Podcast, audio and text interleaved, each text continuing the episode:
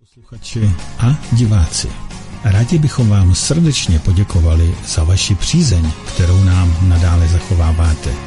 Svobodný vysílač šíří myšlenky, které se zřídka kdy dostanou do širšího veřejného prostoru. Na stránkách Svobodného vysílače v sekci ke stažení si můžete stáhnout letáčky, které vytisknete, rozstříháte a můžete je připnout na nástěnky v supermarketech, vhodit do schránek vašich sousedů a nebo je nechat na jakémkoliv veřejném místě.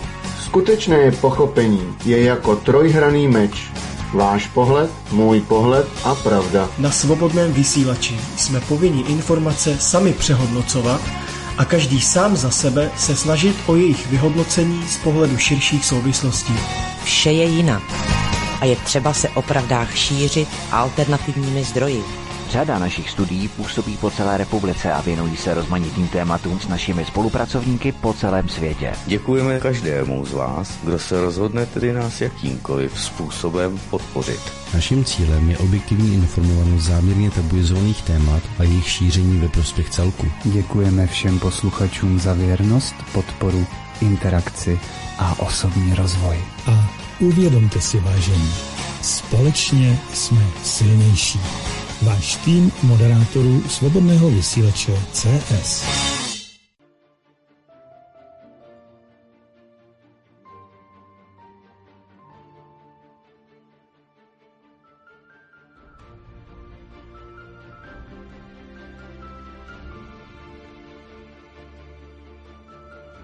Pozorní na začátek. Vážení diváci, představujeme vám tedy knihu vnitřního prediktoru souborné sociálně spravedlivé Rusy s názvem Státní symboly a státní suverenita. Je omylem se domnívat, že se tedy světový systém státních vlajek sformoval jen tak sám o sobě. Kolik lidí podílejících se na vypracování a schválení té či oné státní vlajky ve světě by se upřímně podivilo, kdyby se dozvědělo, že ty myšlenky a ideje, které považovali za své vlastní a na jejich základě vstyčili nad státem konkrétní státní vlajku, jim byly vštípeny tedy do vědomí na základě schématu ovládání lídra. V této knize najdete informace o tom, jak se formovala světová hierarchie států, jak vypadá a jak se odráží ve státních vlajkách a další státní symbolice. Získat v ruštině, samozřejmě tuto knihu můžete tedy v online obchodu ozon.ru, české lokaci v knižní podobě na www.zakázanevzdělání.cz u inženýra Jana Buska. Ano, takže zakázanevzdělání.cz a budete mít, mít krásné knižní podobě a můžete se do ní začíst a zastudovat ji. A nově do češtiny tedy byla přeložena ještě dále dostatečně všeobecná teorie řízení, kterou si zase můžete v knižní podobě v české lokaci jazykové, tedy objednat na stránkách ksbpresses.cz.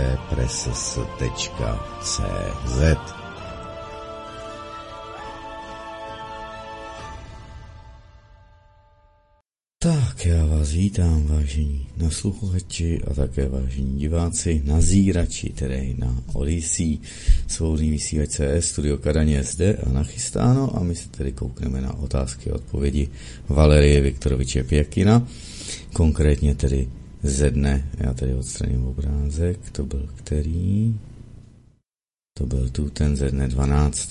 aby jsme to měli 12. února. Samozřejmě hlavním motivem bude rozhovor Takra Carlsona s ruským prezidentem Vladimírem Vladimírovičem Putinem, to aby jsme věděli a nemýlili se, takže se na to zase podíváme. Z další stránky vidíte, že jsem vám přinášel speciál ohledně těch pohledů ze světa, tak teď se koukneme tedy, co na to říká koncepce sociální bezpečnosti a Valery Viktorovič Jakin.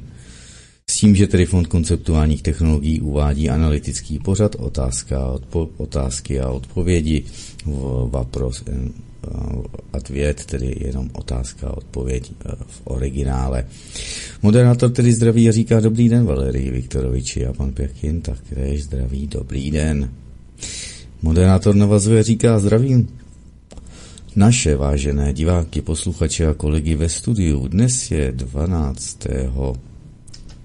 druhý 2024, tady je překlep, nevím, kdo ho tam udělal, a už je známo, že ve světě vyvolal velký ohlas rozhovor, který poskytl Vladimír Vladimírovič Putin Takrovi Carlsonovi, americkému to novináři, který má velký vliv na formování veřejného mínění, jak v samotných Spojených státech amerických, tak i ve světě.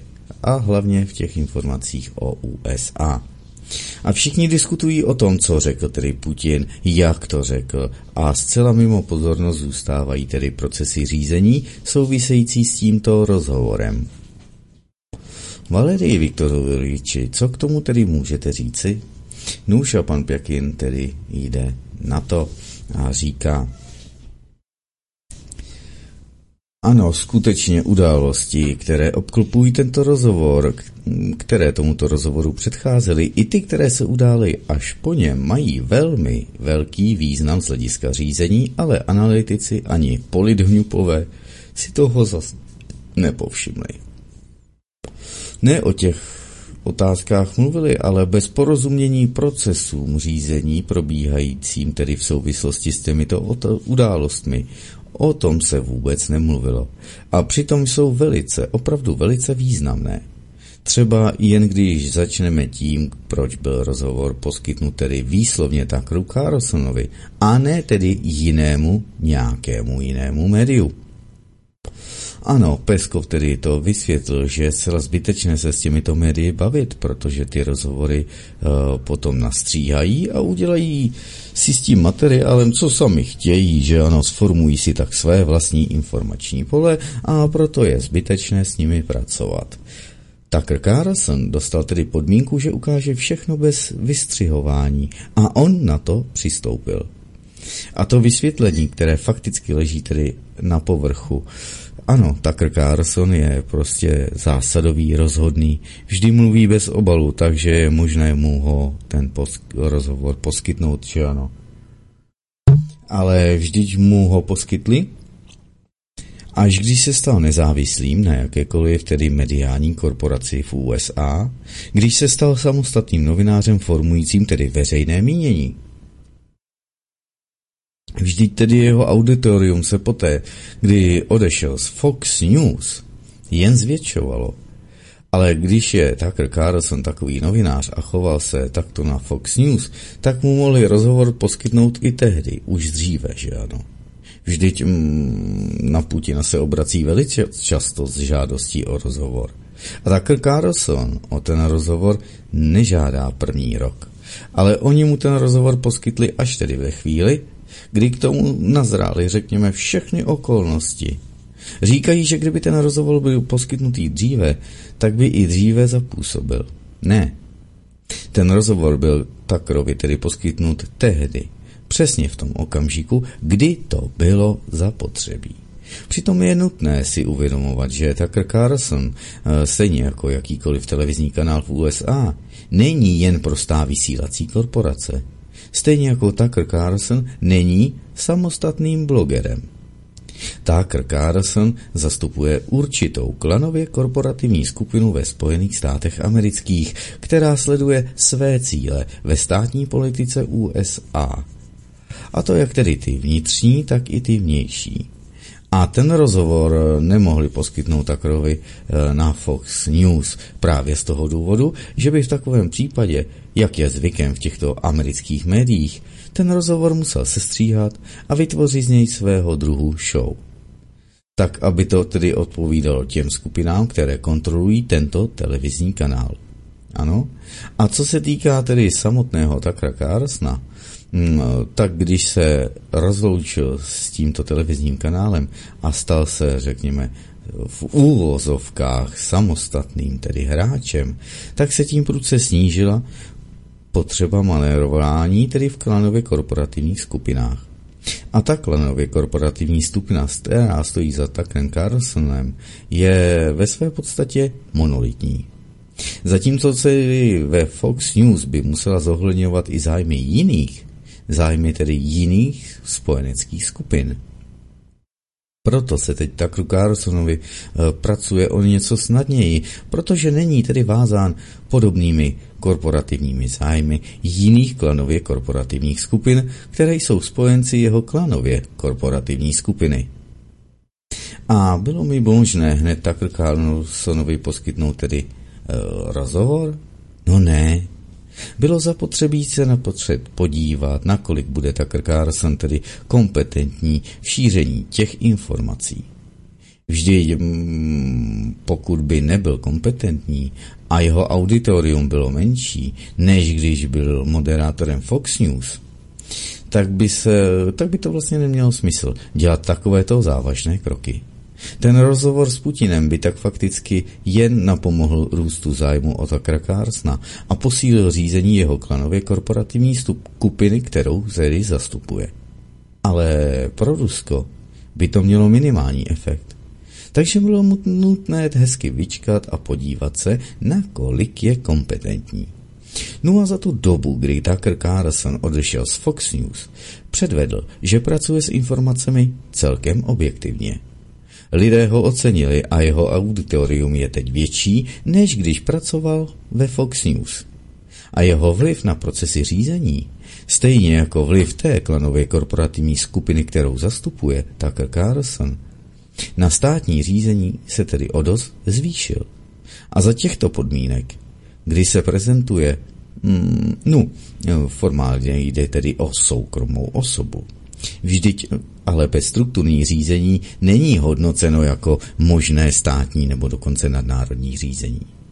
A v tomto ohledu vedl Putin rozhovor s obyčejným občanem Spojených států, který si chtěl ujasnit, co probíhá ve vnitřní a vnější politice USA a to, nakolik je vnitřní a vnější politika Ruska racionální a zda je možné s ním tedy takto i jednat. Proč by ten rozhovor tedy byl ten rozhovor poskytnutý v tento čas a včas? Už nejednou jsme za několik posledních pořadů zmiňovali ten efekt, že výlučně díky postoji a činnosti rosionské podpindosnické jelity, která Rusko nenávidí, která vidí smysl života v lízání amerických zadků, se celý svět dostal tedy na hranu globální jaderné katastrofy a že se americká státní jelita přesvědčila o tom, eh, že Rusko neodpoví na jaderný útok proti němu, a proto začali plánovat tento útok. Už začali s přípravami jaderného útoku proti Rusku. Konkrétní fakta. To je sestřelení toho letadla a naše reakce na různé kroky ze strany západu. Oni nabyli přesvědčení a začali a tím samozřejmě se střelným, se střelným letadlem mám na mysli ten Ilyushin IL-76 nad Belgorodem. Poznámka, to bylo při té přepravě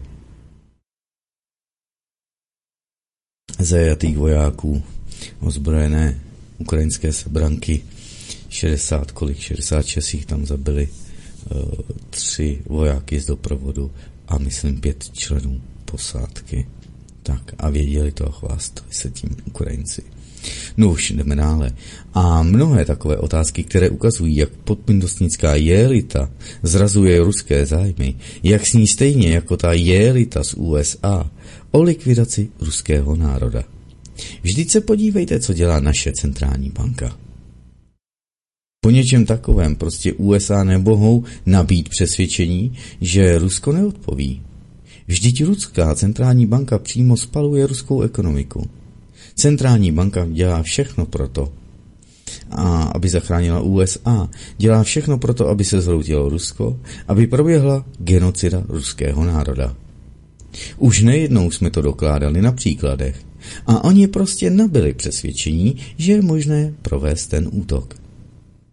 Už dokonce začali se cvičením, že ano, s největším cvičením vojenským od roku 1988, tedy od doby existence Sovětského svazu. A to už je součást té praktické části v operaci jaderného útoku proti Rusku. Zatímco však státní jelita nemá dost, nemají dost rozumu, aby pochopila, že v Rusku není možné předvídat všechny otázky v řízení, Ona nemá dost rozumu, aby pochopila, jak bylo realizováno to řízení Ruska ze strany USA za posledních 30 let, kdy tedy USA měli plný vliv na všechno. To USA rozhodovali o tom, kdo bude v Rusku oligarchou. Ano, teď to vyplouvá na povrch. Jednou předali ukrajinské ozbrojené sebrance z Ruska letadla, po druhé jim dodávali zase pohonné hmoty a to všechno oligarchové, kteří bojují proti Rusku. A nebo zase nakupují pro tu sebranku zbraně a techniku, třeba v Turecku, aby měla s čím bojovat. To všechno dělají rozsionští oligarchové a státní elita to všechno vidí. Ale globální elity vidí, že nic neprobíhá tak, jak to bylo v plánu. Měli v plánu tedy likvidaci Ruska a v devadesátkách bylo už jako stát absolutně nefunkční. Bylo plně okupováno USA. Americká administrativa rozhodovala o všem. Nějaký ten úředník na velvyslanectví určoval, kdo při, nebo kdy přijme, pozve si na kobereček nějakého ruského ministra, bez schválení amerického velvyslanectví, stejně jako dnes na Ukrajině, kde ani vrabci necvrlíkají. U nás to bylo stejné v 90. letech. Všichni ruští ministři se před americkými úředníky e, plazili po břiše a považovali to za velké štěstí. A pro mnohé to stále štěstím ještě je. Nedávno byl totiž skandál v jednom, no, na jednom filmovém festivalu, kam tedy přišli američané a začali tam poučovat, že ano. Hele, vy rusové se musíte kát za to, že vedete válku a musíte se před námi američany plazit hezky po břiše. No a dva lidé tam stali z obecenstva a řekli, tak to myslíte vážně? Co si to vůbec dovolujete? Tady jste v Rusku a urážíte Rusko i Rusy. No. No ale potom bývalý ministr kultury z 90. let Něčájev řekl, o děkujeme vám, drazí američané. A vy oškliví, nevíte, že se máme před nimi plazit po břiše, že je to to naše největší štěstí? Takže Koho to zajímá? To video samozřejmě lze nalézt na internetu. Já jsem jen svými slovy tedy vyložil podstatu toho slovního střetu, necitoval jsem to doslovně. Takže i přes tu plnou kontrolu, jakou měli nad Ruskem v devadesátkách, to USA teď dopracovali k tomu, že ani přes uvalování různých sankcí proti Rusku přes přímé příkazy tedy svým podpinostníkům, jako je Nabilionina, Sirujanov a další tapakáž, aby záškodničili, tak se jim to zkrátka nedaří. A zdálo by se, že Nabilionina tedy ruskou ekonomiku prostě spaluje v ohni. A přesto se výroba nábojů stále rozšiřuje, ekonomika se nezvroutila ano, máme tu růst cen. Nabilinová nařídila růst cen a řekněme třeba těch vajec, že ano. To je příklad a dost jsme to probírali, jak to zařídila, aby ta cena vzrostla. No. A další podpindosníci byli, aby zorganizovali e, jejich deficit, ty vejce jednoduše vyhazují. No vzpomínáte si, Eh, v sovětských devadesátkách se také snažili, aby byly přeci prázdné regály, aby lidé nebyli spokojeni, eh, aby byli tedy spokojeni, ne, počkat, aby lidé byli nespokojeni se sovětskou mocí. Chybí se a já jsem se do toho zamotal. Možná jsem ho umazal já. Také vyváželi produkci na skládky a kde tou produkci vyhazovali. A u nás v mnohých městech bylo zaznamenáno, aby udrželi ty vysoké ceny na, vejc, na vejcích, aby je nesnížili, aby lidé byli zase nespokojeni se státní mocí, aby ty vejce jednoduše vyhodili na skládku, aby se nedostali k lidem. Takže aby lidé nebyli nespokojeni tedy se státní mocí a dali se snadněji vyvést do ulic eh, a napomohlo to provedení státního převratu v Rusku. Tohle dělají podpindosníci zcela účelově a s politickými cíly. To není nic kriminálního. ani nic o kšeftování, jakože chci zachovat vysoké ceny. Ne. Dělají to je s jediným cílem, kterým je rozklad Ruska a provedení státního převratu. A mne by zajímalo, zda to FSB vidí. Zajímá se FSB o ty, kteří vyhazovali ty ta vejce? Kteří vyhazovali i další produkci na skládky? Pracuje s nimi jako se zahraničními diverzanty? Protože se jedná výslovně o politické kroky. Jestliže se tedy vejce staly předmětem politiky, tak všechny jejich kroky s cílem zlikvidovat část této produkce, aby byl zachován deficit vajec a jejich vysoké ceny, jsou už politickými kroky. To už nejsou pouhé ekonomické machinace s cílem získat více zisku. Zisk mohli získat tak, že by prodali ta vejce za ničí cenu a ve větších množstvích. Pak by měli více zisku. Ale to ne. Oni je naopak obětovali, aby vytvořili v podmínkách předvolební kampaně nespokojenost se státní mocí. To jsou konkrétní kroky eh, v tomto směru. Nenechme se mílit. Ale to bychom mohli dlouho vyprávět, co a jak. To jen ve výsledku toho, že naše jelita neustále vymezovala nějaké červené čáry, které potom druhá strana neustále překračovala. Zatímco na začátku speciální vojenské operace se Západ bál dodat třeba jen ochranné helmy, že ano, je, co když se Rusko zamračí a všechno nám to dá pak sežrat. No tak teď už se nebojí dodávat dokonce ani letadla, už mluví o tom, že ta letadla budou na Rusko útočit z moldavského území a Rusko tak nebude mít právo odpovědět. Vždyť se přece Moldavsko neúčastní války proti Rusku. Už jen ta dodávka zbraní je narušením. Hele, vždyť Polsko. Už bychom mohli dávno srovnat se zemí jadernou zbraní, aby přestalo existovat a zároveň eh, tedy srovnat hlavně to letiště Řešov, jako překladiště zbraní. Jenže naše jelita se plazí po břiše.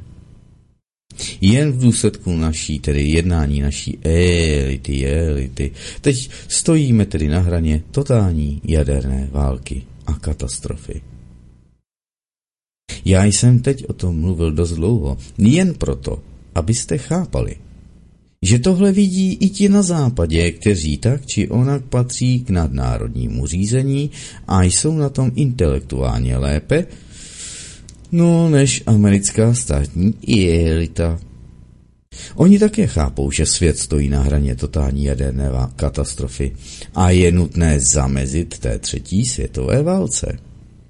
Protože pravděpodobnost toho, že Rusko na tento jaderný útok neodpoví, vůbec není nulová. Je tu pravděpodobnost, že Rusko odpoví, přičemž ta je dosti vysoká. A to je podmíněno tím, že nebyli schopni vždy uvidět v Rusku ty procesy, které vedly k tomu, že si Rusko do značné míry obnovilo svou suverenitu a ekonomiku. Oni to v plné víře nebyli schopni uvidět, jak se to všechno stalo ale vědí, že pokud tu takové mechanismy jsou, tak tu je i mechanismus odvetného úderu, po kterém USA přestanou existovat. A stejně tak nebude civilizace na planetě Zemi, protože všechno půjde va bank, jak to dělají američané. Těm je úplně jedno, co zničí. Jenže jiná planeta tu pro nikoho není a americká globální elita, tedy musela nějak tu situaci vyřešit. Proč musela? Stále je to nutné tu situaci dále řešit. No a právě v rámci těchto opatření byl dohodnutý rozhovor s Takrem Carlsonem.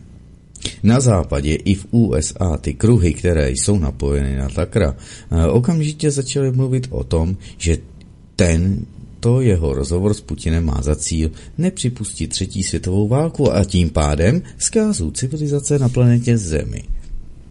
A tohle probíhalo ještě eh, na úrovni přípravy toho rozhovoru. Když se ještě nevědělo, zda ten rozhovor skutečně bude či nebude, A přesto to pojali tímto způsobem, protože chápali, že tupá americká státní elita a zcela připitoměla na vlastní zájmy, ale přitom tedy mimochodem profesionálnější a kompetentnější než je ta tupá americká elita, že podpindosnická rosionská elita s tou americkou postavili svět na hranu katastrofy. Protože rosionská elita neumí nic jiného, my se vzdáváme, my se vzdáváme, podívejte se, už nám skončily všechny barvičky pro vymezování červených čár, už je musíme kreslit bílou barvičkou a vy je dál překračujete a my dál budeme mlčet. No, a v důsledku toho teď stojíme tedy na hraně totální jaderné katastrofy kvůli naší rosionské elitě. A v tomto ohledu je nutné nějakým způsobem deaktivovat americkou státní elitu, která je tedy připravena provést jaderný útok proti Rusku. A právě proto tu věc postavili takto už v té předběžné etapě, kdy ještě Tucker Carlson nepřijel do Moskvy, kdy se o tom jen mluvilo a když přijel pak do Moskvy, tak to zaznělo ještě silněji. A když potom udělal ten rozhovor s Putinem, tak to zaznělo s plnou silou, že ten rozhovor je určen k tomu, aby byla odvrácena třetí světová válka. A je to skutečně tak. V tom ideologicky absolutně sterilním informačním poli v USA se zájmy Ruska nezabývá vůbec nikdo. V tom sterilním informačním poli se vůbec nemluví o tom, že by vůbec někdo měl nějaké právo vůbec oponovat třeba USA, to je absolutně nepřijatelné, že ano? Že by tedy někdo měl možnost udělat něco navzdory přání USA. Ten nesoulad se šablonami už je vidět. Přece vidí, že ať tlačí na Rusko, jak chtějí, tak stejně sleduje své zájmy. A určitá část obyvatelstva to také vidí. Ale myslí si, že státní řízení USA postupuje správně, když vyostřuje to napětí, když zvyšuje nápor, tlak na Rusko, dokud se nezlomí. A bylo, nutné, bylo tedy nutné Američanům předvést na jejich úrovni, že se Rusko nezlomí a že díky pokračování v tom tlaku se nejen zhorší jejich ekonomická situace, ale USA zcela krachnou a to se vším všudy. To byl ten důvod, proč bylo nutné udělat tento rozhovor. A ta skutečnost, že Rusko nemá na nic právo, neustále vys, vysvítala i z těchto otázek samotného Carlsona. Tady by měl být vy, vyvstávala, vystával. Nevím. Vždy Tucker Carlson neustále požadoval. A proč tedy nezatelefonujete? A proč neuděláte tohle a tamto? A udělejte gesto dobré vůle. A Putin mu na to odpovídal, že ano. a proč bychom měli dělat gesto dobré vůle? My jsme neustále dělali gesta dobré vůle a vyčerpali jsme jejich limit. A mělo to vůbec nějaký efekt? Jen ten, že si všichni řekli, že se Rusko podvoluje, že ustupuje a situace se stále jen dále zhoršuje. S každým dalším gestem dobré vůle se ta situace stále jen dále zhoršuje. Konec citace. Ten průběh, který speciální vojenské operace zcela názorně dolo, doložil, že se tato gesta dobré vůle vždy obrátí proti Rusku. A všichni si myslí, že Rusko ustupuje. A ona to, tak zavolejte. A Putin, no a proč bych já měl volat? Já snad mám zájem na tom telefonátu, nebo na tom telefonátu máte zájem vy? Já mám zavolat, vy jim dodáte zbraně, bojím, bojím, tak to ani náhodou. Máte-li zájem o dialog, tak volejte sami. To vy jste porušili pravidla, to vy jste sem vpadli. Ale on to nechápal. Tucker Carlson to nepochopil a říká, jak to? No a pan Pěkin tedy, e, byl tam jeden zvláštní moment, který Tucker Carlson prostě jeho osobně omráčil. On to vůbec nepochopil, reagoval hysterickým úchechnutím a potom delší dobu seděl a zpracovával to, tu situaci, to když tedy Putin se zeptal, eh, počkat, jo, tak Carlson se zeptal, a je to už dlouho, co jste se viděli s Bidenem? A Putin mu na to odpověděl, já si to nepamatuji. O, takže jako, že si hlava jakéhokoliv domorodého státu nepamatuje, kdy měla tu čest setkat se se samotným bílým pánem? A to byl pro Takra prostě šok. O, jak to? No to přece není možné. Takže mimochodem, mezi komentáři k tomu Putinovu rozhovoru celkem často a na Ukrajině téměř všude naše liberanč... liberanština by tady mělo být a není, zněla takže normální prezidenti znají anglický jazyk a mluví anglicky a on tak Carlsona ponížil, když s ním mluvil rusky. Ponížil Ameriku. Jak si to vůbec mohl dovolit? Vždyť je to nepřipustitelné a neodpustitelné také. A co si to vůbec dovoluje? Vždyť on se doposud nenaučil angličtinu. A to už Zelenský se jí naučil, že ano? No, nemluví teda nic moc, ale stejně uh, to láme, aby potěšil pánička. A proč si ten na něco hraje? Tenhle? Páníček ho za to hezky musí potrestat. Co si to dovoluje mluvit rusky s představitelem vyšší rasy, s Takrem Carlsonem? No tak Carlson zase nechápal. Říkal, jak je to možné, že si to nepamatujete? A Putin mu odpověděl, že má svých starostí dost. Asi tak. Já mám dost svých záležitostí. Proč bych si to měl pamatovat jako nějakou událost? Vždyť to byla jen pracovní schůzka. Když to bude zapotřebí, tak si osvěžím paměť, kdy přesně tu, ta schůzka byla. Kdy jsme se viděli osobně, kdy jsme spolu mluvili přes videokonferenci. A jaký je v tom tedy rozdíl? Jen když to budu potřebovat a já se věnuji svým záležitostem. že ano. A to byl tedy skutečný šok pro Spojené státy americké, říká tedy pan Pjakin. No, takže asi jak to, že, ta hla, že se hlava Ruska, že ona nevstává ráno s myšlenkou, jakou dnes, eh, jak jdou tedy dnes záležitosti v USA a co bych teda měl udělat, abych si u nich udělal očičko a kde bych se jim ještě mohl někde zavděčit? Vždyť přesně takto se chová rosionská elita, takto se chová Nabídulina a celé představenstvo Ruské centrální banky. Všichni ředitelé centrální banky se chovají přesně takto. A když telefonují a mluví s Američany, tak Američané si zvykli, že jakýkoliv Rus s výjimkou Lavrova a Šojgu je jako ti, no, Gerasimov. No, přece Gerasimov se přece uh, pospíšil hned zavolat Minýmu. Ne, ne, já se omlouvám, že ano, že si Šojgu dovolil s vámi mluvit jako suverénní, jako důstojník uh, suverénní ruské armády. Já vás ubezpečuji, že je pro vás, pro nás váš názor důležitý, že ho zohledníme. Vždyť jsme, připra- vždy jsme připraveni splnit jakýkoliv váš příkaz. No přece mu telefonoval. A poté, když Šojgu zcela konkrétně zdrbal šéfa Pentagonu a Gerasimov si okamžitě pospíšil a ani se neodstýchal o tom hned informovat i média, že se za Šojgua omluvil za to, že si dovolil s ním mluvit jako rovný s rovným. Ve stylu, no jaký má právo mluvit s ministrem obrany e, jako s rovným?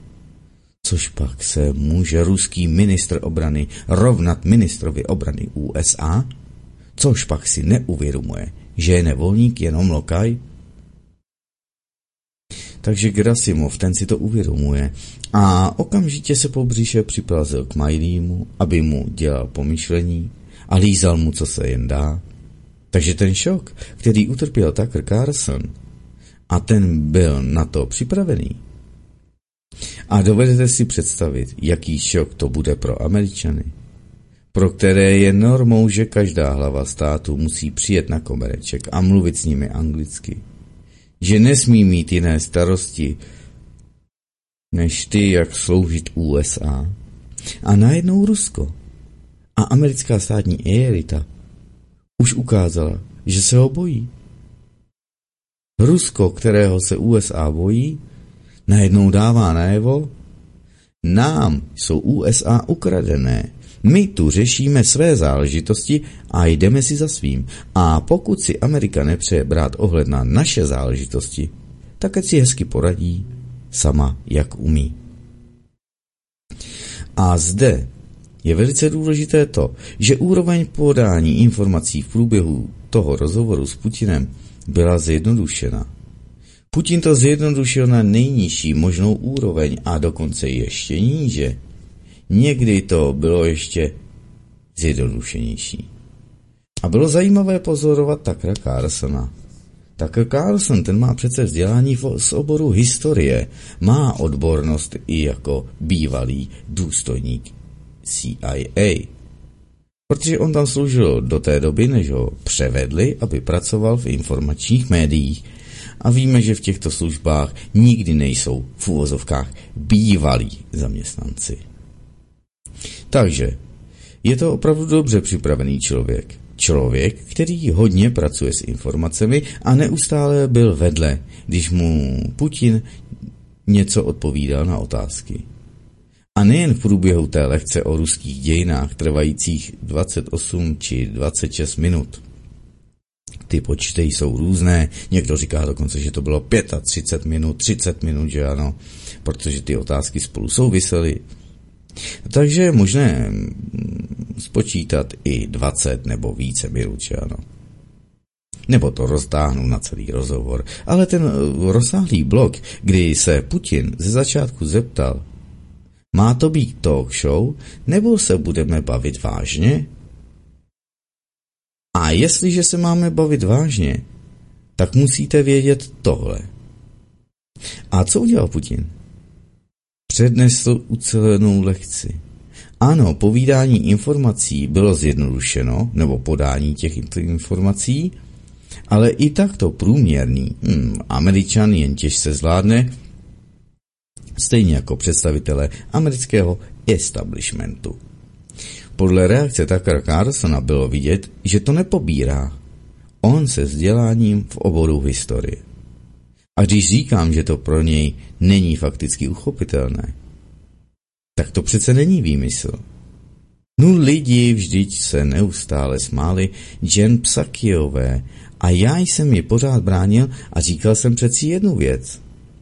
Jste-li tolik smělí, abyste se smáli Jen Psaky, tak se musíte smát celému tomu řídícímu sboru, celému establishmentu v USA.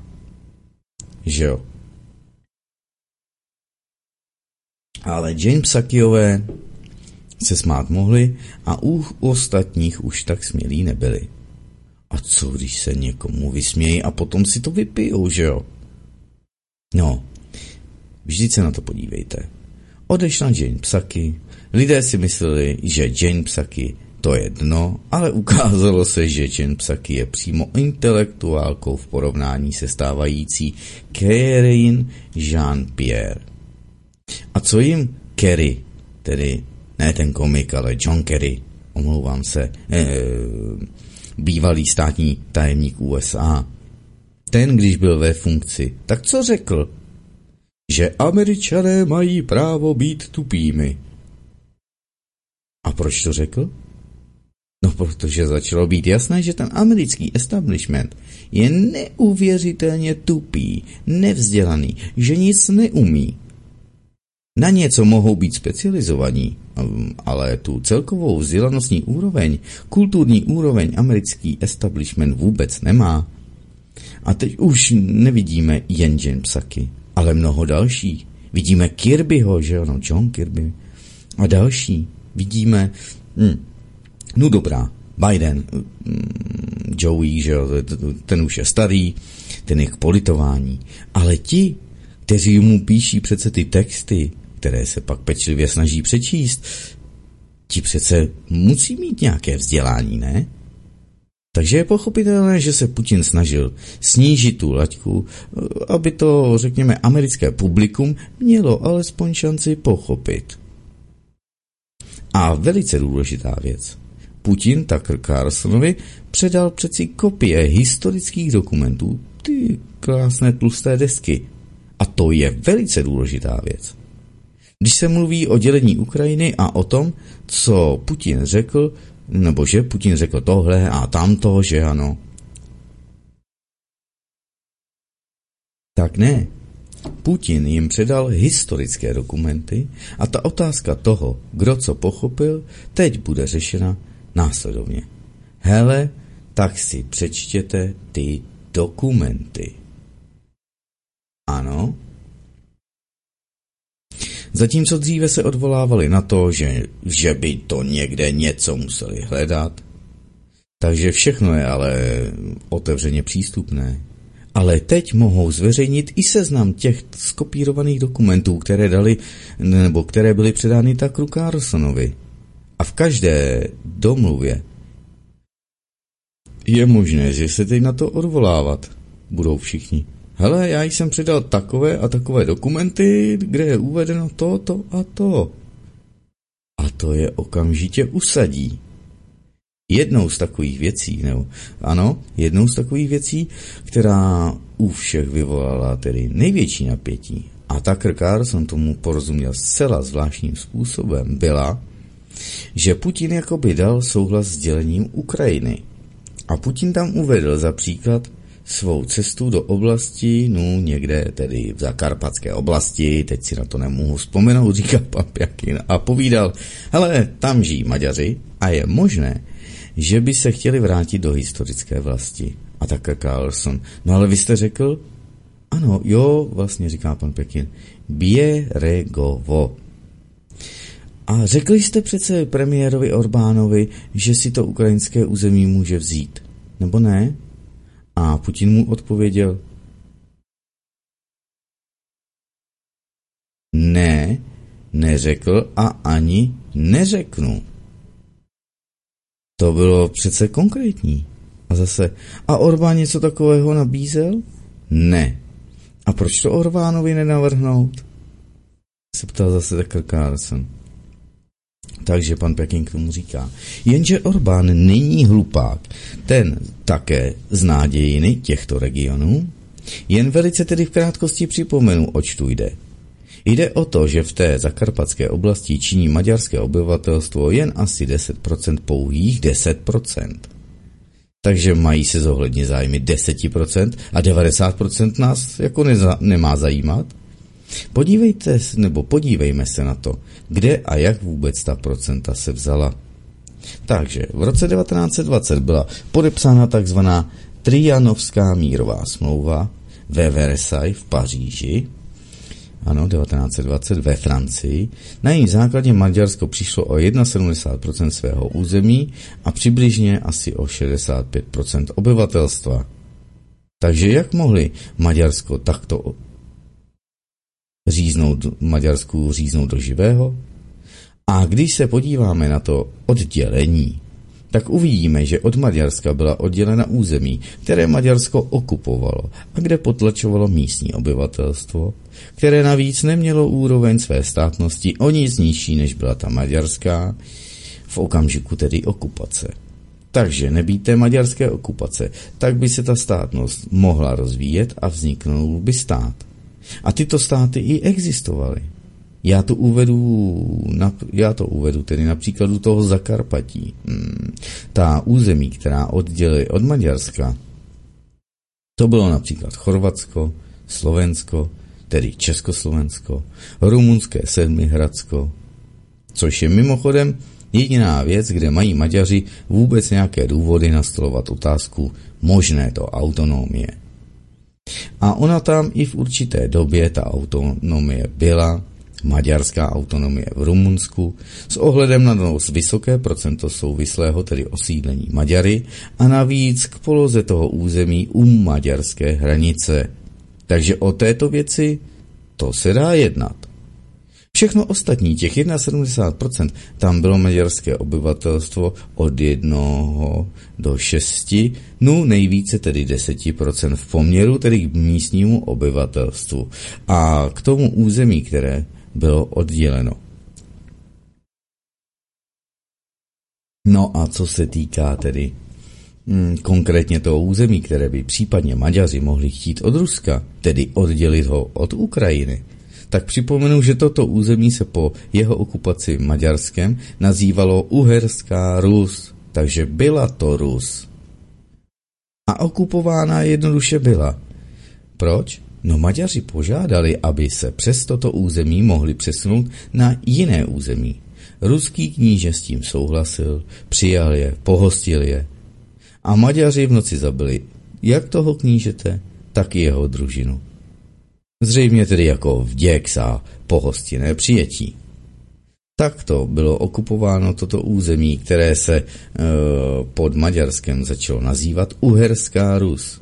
Sami Maďaři jsou přistěhovaleckým národem, který se více méně smísil s místním obyvatelstvem a tak vznikly dnešní Maďaři. Ale na tom území Uherské Rusy Maďaři nikdy nebyli většinou. Žili tam dost tedy kompaktně, eh, aby mohli mít to území pod okupační kontrolou. Jednalo se tedy o etnickou menšinu. Ale vzhledem k tomu, že Maďaři nikdy ve svých dějinách neumožňovali národním kulturám, aby se rozvíjeli, a všemožně ty okupované národy potlačovali a oslabovali, tak se na tom území uherské Rusy nemohla sformovat účinná obrana proti okupantům. Tak a výslovně v kulturním ohledu, protože bylo potlačováno úplně všechno. A tak Putin tedy vzpomíná. Bylo tam 10% obyvatel, no třeba řekněme 12 jich bylo v té oblasti a měli tam vytvořeny všechny podmínky, aby nepřišli o svou kulturní identitu. Dokonce tam měli i tedy dopravní značky v maďarštině. Nic podobného pro lidi v uherské Rusky Maďaři nikdy ale neudělali. A podle té trianonské tedy smlouvy byla Uherská Rus od Maďarska odčleněna a připadla Československu. A já se tedy ptám, a co ten uherský Novgorod? Jehož polovina zůstala v Maďarsku a ještě další území ruské Rusy, uherské Rusy. No ale Maďarsko uplatňovalo fašistickou politiku – aby vykořenilo Rusy ze svého území. Takže etnická sestava na Ukrajin, uherské Rusy, která zůstala e, okupována Maďarskem, tou trianonskou smlouvou, nebylo vráceno všechno území, tedy uherské Rusy. Nebylo. Část ho zůstala v Maďarsku. A tam Maďaři provedli etnickou čistku, aby tam nezbyli žádní Rusové.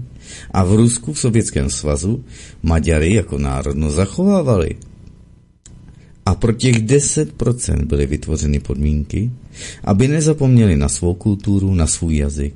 Zatímco v Maďarsku na Rusy nezbyla než vzpomínka. A Novgorod z uherské Rusy zůstal u nich v Maďarsku. Orbán zná dějiny a ví, že žádné historické právo na to území nemá a že 10% toho okupačního kontingentu obyvatel, který byl na tomto území, si nemůže činit nárok vůči 90% Rusů, kteří na tom území žijí. A teď už je možné odvolávat se na ty dokumenty. Putin přidal tak Carlsonovi desky, že ano? A všechny ty otázky, které si někdo začíná činit, že si tedy někdo začíná činit zálusk na ruská území. Hele, my jsme si do Ruska zdaleka nevrátili všechna ruská území. Ještě ne všechna. A například to, co udělalo Maďarsko s těmi Rusy na území Uherské Rusy, které zůstalo v Maďarsku, to máme jako odpustit? Nebo jim k tomu přihodíme ještě další území z Uherské Rusy? Ať si ho tedy vezmou? Tak co je to za svinský přístup? Takže žádné, absolutně žádné území, územní ústupky Nebyly a nebudou. V opačném případě by to zase jen byla genocida ruského národa a Maďaři nám to předvedli v praxi. Nejen tedy k ruskému národu, ale ke všem územím, která okupovali. Dělali to všude. Takže ta trianonská smlouva fakticky osvobodila ty národy z okupace Maďarů. Takže to zveřejnění Putinova rozhovoru na západě vylovovalo šok. Že ano. Ukázalo se, že západní společnost velmi stojí o možnost získat nebo získávat doplňkové informace z Ruska. Nejen tedy v USA, ale i na západě jakožto takové. U nich tam vyvolávají protiruskou hysterii, rusofobii, připravují je k válce s Ruskem. Fakticky už sjednocený západ s Ruskem bojuje, jak je to vidět na jejich ekonomice, která je u nich vojenská, vyrábí děla místo másla. Nedávají zdroje farmářům, protože ty zdroje potřebují pro výrobu munice a dalšího vojenského vybavení, aby mohli zásobovat tu ukrajinskou ozbrojenou sebranku. Vždyť za první den jen na platformě Twitteru, která se teď jmenuje X, se na Putina podívalo 196 milionů diváků. A to jen na účtu Takra Carlsona. A to má také Carlson ještě i YouTubeový účet a další možnosti, jak šířit ty informace. Tak. A i na YouTube to vidělo asi 10 milionů lidí, či více. Já si to teď přesně nepamatuji, ale ten den ještě neskončil a už tam určitě bylo 10 milionů slednutí. A to ještě zbývalo hodně času do konce dne. A to v době, kdy je vrcholem, absolutním vrcholem popularity na všech kanálech. Když video vidí 700 tisíc lidí, což je téměř nedosažitelné tam v USA, takže to vidělo 196 milionů lidí jen na Twitteru Takra Carsona. Ano, nedívali se samozřejmě na to jen lidé v USA, e, takže to rozdělíme na polovinu těch 196 milionů, nebo to uděláme ještě nižší, necháme na USA, že se tam od nich kouklo 50 milionů, nebo ještě méně. No, oni mají 300 milionů obyvatel, tak mm, ponechme, že to vidělo 30 milionů amerických lidí.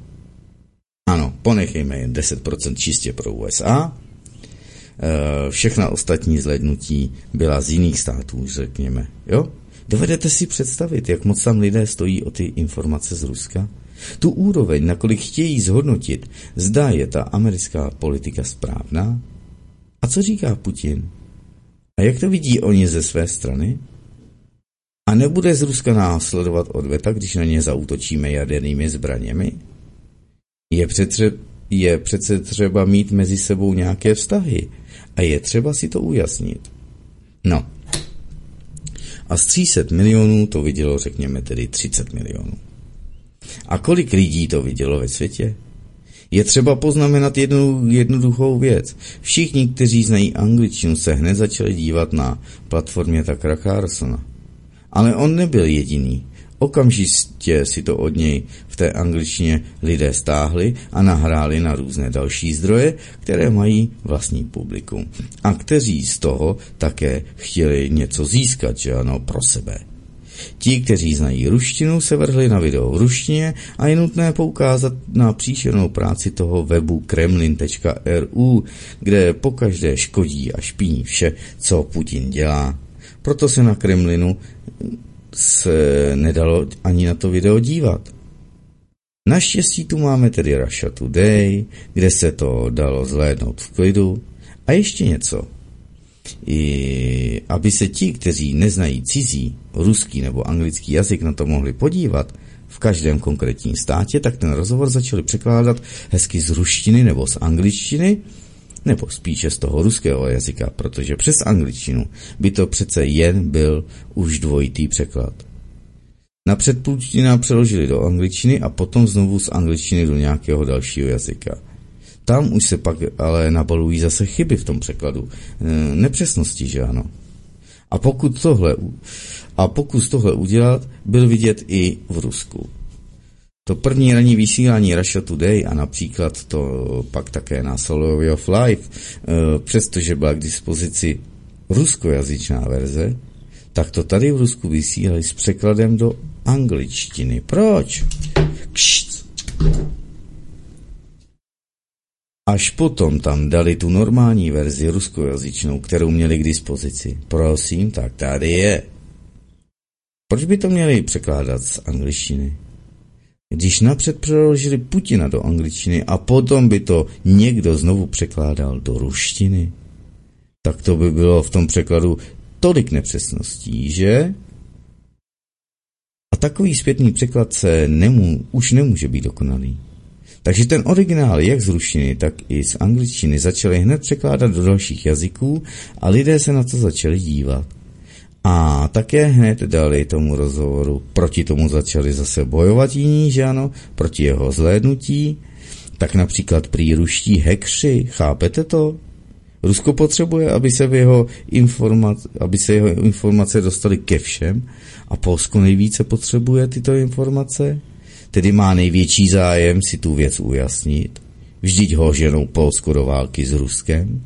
A tak právě tam by je mělo nejvíce zajímat. Ale ne. Prý ruští hekři znemožnili práci na internetu v Polsku a Německu. Tak tedy proč? Aby se na to nemohli Poláci a Němci podívat. Takové tu máme v Rusku škodiče.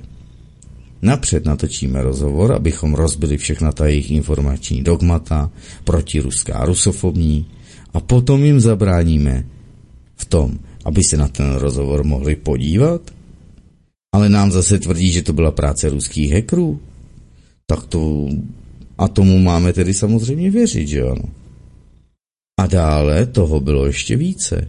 Před tím rozhovorem a když potom vyšel, prošla informační vlna o tom, že, že má odvrátit třetí světovou válku, tak ta informace v té, nebo ta vlna byla nejsilnější.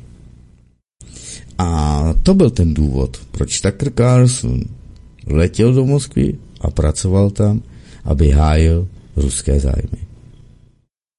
Takže američané. A povšimněte si, že Putin, jo, aby tam hájil vaše zájmy, američané, pardon, takhle je to, že to všechno bylo pro hájení amerických zájmů. A povšimněte si, že Putin mluvil o zájmech USA. Ano, tyto zájmy v mnohem poškozují ruské zájmy, ale ukázal americkým voličům, americkému národu, že to vedení, které je teď v čele USA, neřídí v zájmu vlastních lidí. A to jim Putin předvedl, protože řekl, hele, když jste měli dolar, je nutné tedy říci, že peníze, a to je jeden z prostředků, jak vést války, to v každém případě, ať už jde o dolar či ne, to není teď důležité. Na bilionová proti nám vede válku, přetahuje nám sem inflaci prostřednictvím kurzu uh, dolaru v Rusku a dolar by měl stát 60 kopějek. To by byl normální kurz. Něco přece jen musí dostat. Dříve, než se ten dolar, než za ten dostal, dolar tedy dostanou úplně potlemně. Vždy se tam nic nevyrábí. Dolary prostě tisknou, rozazují je do celého světa, ze kterého potom za to dostávají zdroje. Takže jsou to nařezané papírky zelené. Nyní už eh, jen natis, zatisk, který z klávesy na počítači, se rozdělují přírodní zdroje. A nejen přírodní, ale i výrobní produkce. A Putin jim přitom vysvětluje. Proč jste sami rozbili tu oblast obratu dolaru? Vyloučili jste z toho obratu Rusko a tím jste umožnili Rusku, aby si vydechlo. Takhle to tedy neřekl, ale něco jiného, protože to znělo. No a v důsledku toho se snížil váš dolarový obrat a to hlavní ukázali jste si, že pokud se takto chováte k někomu, tak se můžete kdykoliv takto zachovat ke komukoliv jinému. Všichni tomu porozuměli a začali se vyhýbat používání dolaru ve svých platbách. No a Putin tam řekl mnoho takovýchto věcí v tom rozhovoru. Vysvětloval celou škodlivost vedení takové politiky USA proti Rusku, její škodlivost tedy pro samotné Spojené státy. Ale opakuji, že Tucker Carlson zastupuje určité elity, globální, které jsou v USA. A my jsme tedy s ohledem na tento rozhovor měli jiné pozadí, ve smyslu, že se Tucker Carlson snaží odvrátit třetí světovou válku. A současně byla v USA totální hysterie s ohledem na nepřípustnost toho, aby Tucker Carlson dělal přeci rozhovor s Putinem a aby ten rozhovor ukázali v televizní americké, nebo v televizi, aby toho ukázali americkému divákovi. A státní elity USA byly přímo zuřivé, běsněly, aby prostě byly tedy prostě vzteky bez sebe, jako například Hillary Clinton, že ano, a říkali, že si to Tucker Carlson musí odnést a tak dále. Takže se vlastně postarali, aby zvedli ještě více zájem o tento rozhovor. Bez té jejich reakce by samozřejmě v USA ten rozhovor Tucker Carlsona vidělo lidí méně. Ta hysterie té elity jen vyvolala větší zájem o celý rozhovor. No, a co bylo dále? No, dále se podíváme, zaposlechneme si nějaké písničky, ne, dáme si jenom znělky. Pauza. Znalosti znamenají moc a je třeba, aby tuto moc převzal lid. Když tedy každý v míře svého pochopení pracuje pro sebe a své zájmy a v míře svého nepochopení pracuje pro toho, kdo ví a chápe více. Proto každý člověk musí rozšiřovat míru svého vědění, tedy znát a chápat více. No a proto je nezbytné vědět, jak se společnost řídí. A tedy takové znalosti existují pouze v jednom zdroji, dostatečně všeobecné teorii řízení a koncepci sociální bezpečnosti. Studujte tedy tlusté práce a tlusté knihy vnitřního prediktoru Sovětského svazu a buďte tedy samostatní v chápání politiky i v chápání okolního světa. Buďte samostatní při realizaci vlastních zájmů ve svém životě.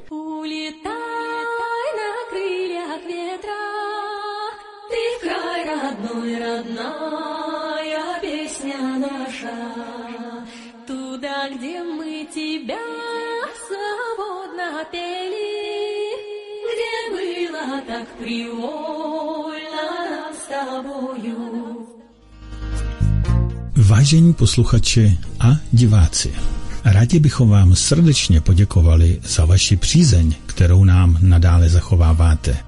Svobodný vysílač šíří myšlenky, které se zřídka kdy dostanou do širšího veřejného prostoru. Na stránkách Svobodného vysílače v sekci ke stažení si můžete stáhnout letáčky, které vytisknete, rozstříháte a můžete je připnout na nástěnky v supermarketech, vhodit do schránek vašich sousedů a nebo je nechat na jakémkoliv veřejném místě.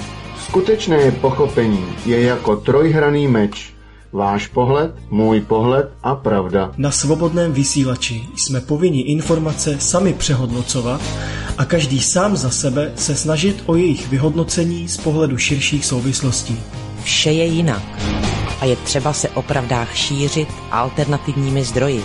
Řada našich studií působí po celé republice a věnují se rozmanitým tématům s našimi spolupracovníky po celém světě. Děkujeme každému z vás, kdo se rozhodne tedy nás jakýmkoliv způsobem podpořit. Naším cílem je objektivní informovanost záměrně tabuizovaných témat a jejich šíření ve prospěch celku. Děkujeme všem posluchačům za věrnost, podporu, interakci a osobní rozvoj.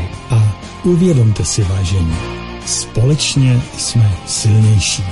Váš tým moderátorů svobodného vysílače CS.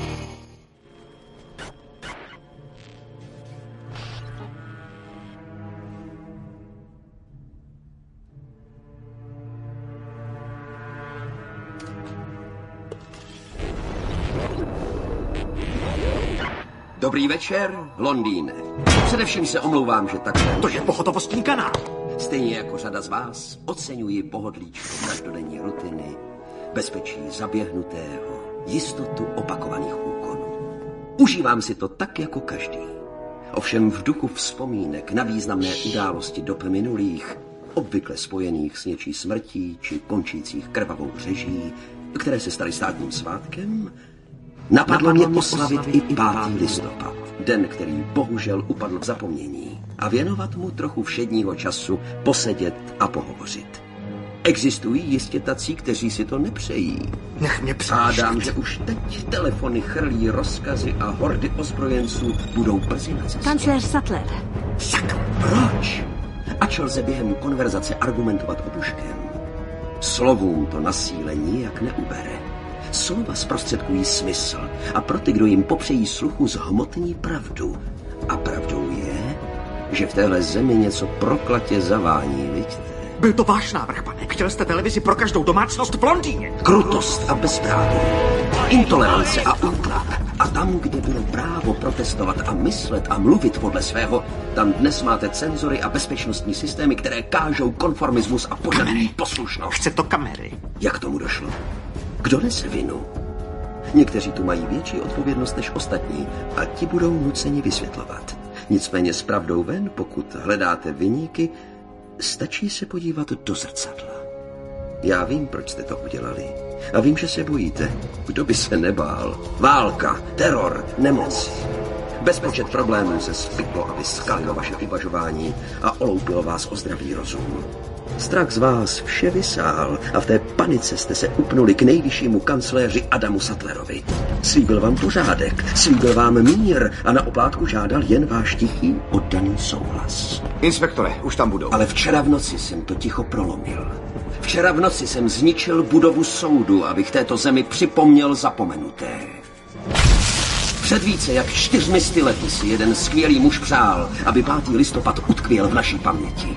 Chtěl tím světu připomínat, že čest, spravedlnost a svoboda jsou víc než slova. Je to životní názor. Tak pokud se vás nic netklo, pokud vás zločiny této vlády nijak nezasáhly, pak je na snadě nechat i 5. listopad bez povšimnutí. Pokud ale vidíte, co vidím já, a cítíte, co cítím já, a postrádáte to, co já, pak mi prosím buďte oporou. Ode dneška za rok jim pak ubran parlamentu společně ukážeme 5. listopad, na který jistě už nikdy nezapomenou. Dámy a pánové, jdeme tedy pokračovat i dále v otázkách a odpovědích. Tak, takže pak jen dále pan Pěkin dále rozebírá ten rozhovor za Carlsona s ruským prezidentem Valerim, eh, Vladimírem Vladimírovičem Putinem. Když už tedy bylo jasné, že Tucker Carlson ten rozhovor na, natočil a dostane se k lidem, tak se 12 hodin před jeho zveřejněním na americkém zdroji objevil informační, řekněme, vhoz, aby jsme to takto měli. No, měl to být úryvek, který z rozhovoru Tucker Carlsona s Putinem. A byl to absolutní fake. Jakmile to zveřejnili, tak bylo jasné, že je to absolutní fake. Šlo o to, že tam byly velice krátké strohé věty, no a Putin takto zkrátka nemluví. Putin mluví květnatě, srozumitelně. A tady byly krátké věty určené pro Američany s jejich klipovým, tedy vnímáním. Oni nedokážou vnímat dlouhé věty, jako, ale jen tedy kusé myšlenky. Takové tam mají vzdělání. A ten rozhovor hned tedy rozvířili nepřátelé Takra Carlsona a začali s tím pracovat tak, jak to považovali za potřebné. A když potom byl zveřejněn skutečný rozhovor, tak se ukázalo, že všichni, kteří vystupovali z pozic toho fejkového rozhovoru, se zcela zdiskreditovali.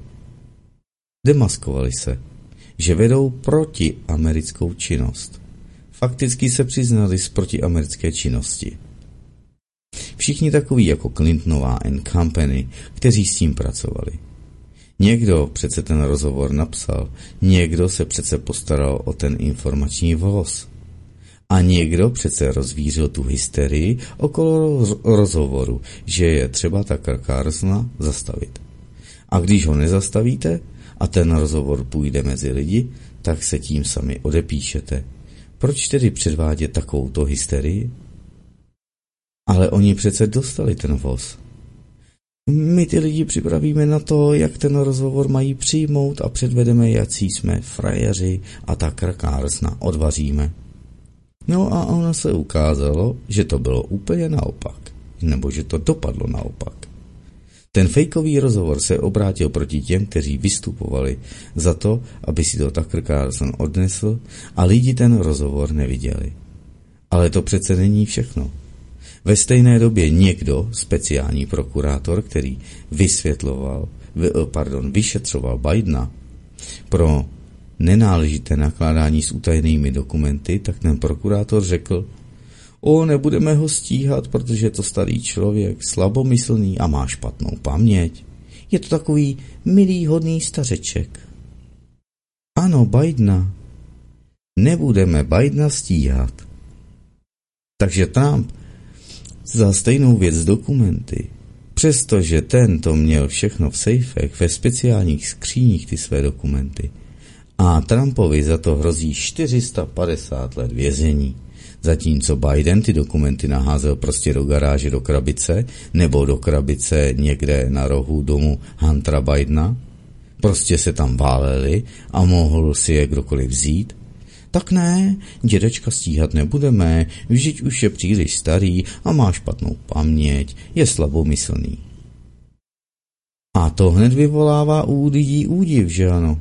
Říkají, takže oni ho stíhat nebudou a funkci prezidenta USA vykonávat dále může? To poněkud samozřejmě nesedí. A když vyšel ten Putinův rozhovor, tak se Biden rozhodl dokázat, že má paměť v pořádku, svolal si tiskovku, že ano. Já mám paměť v pořádku, jsem ve skvělé kondici. No, ale hned si popletl mexického prezidenta s tím egyptským pěkně za pochodu. V týdnu se mu dařilo rozmlouvat s neboštíky, což nedokázala okomentovat ani Hm. No, ona nic nedokáže okomentovat, ale tohle už bylo i na ní moc, právě na Kerin Jean-Pierre.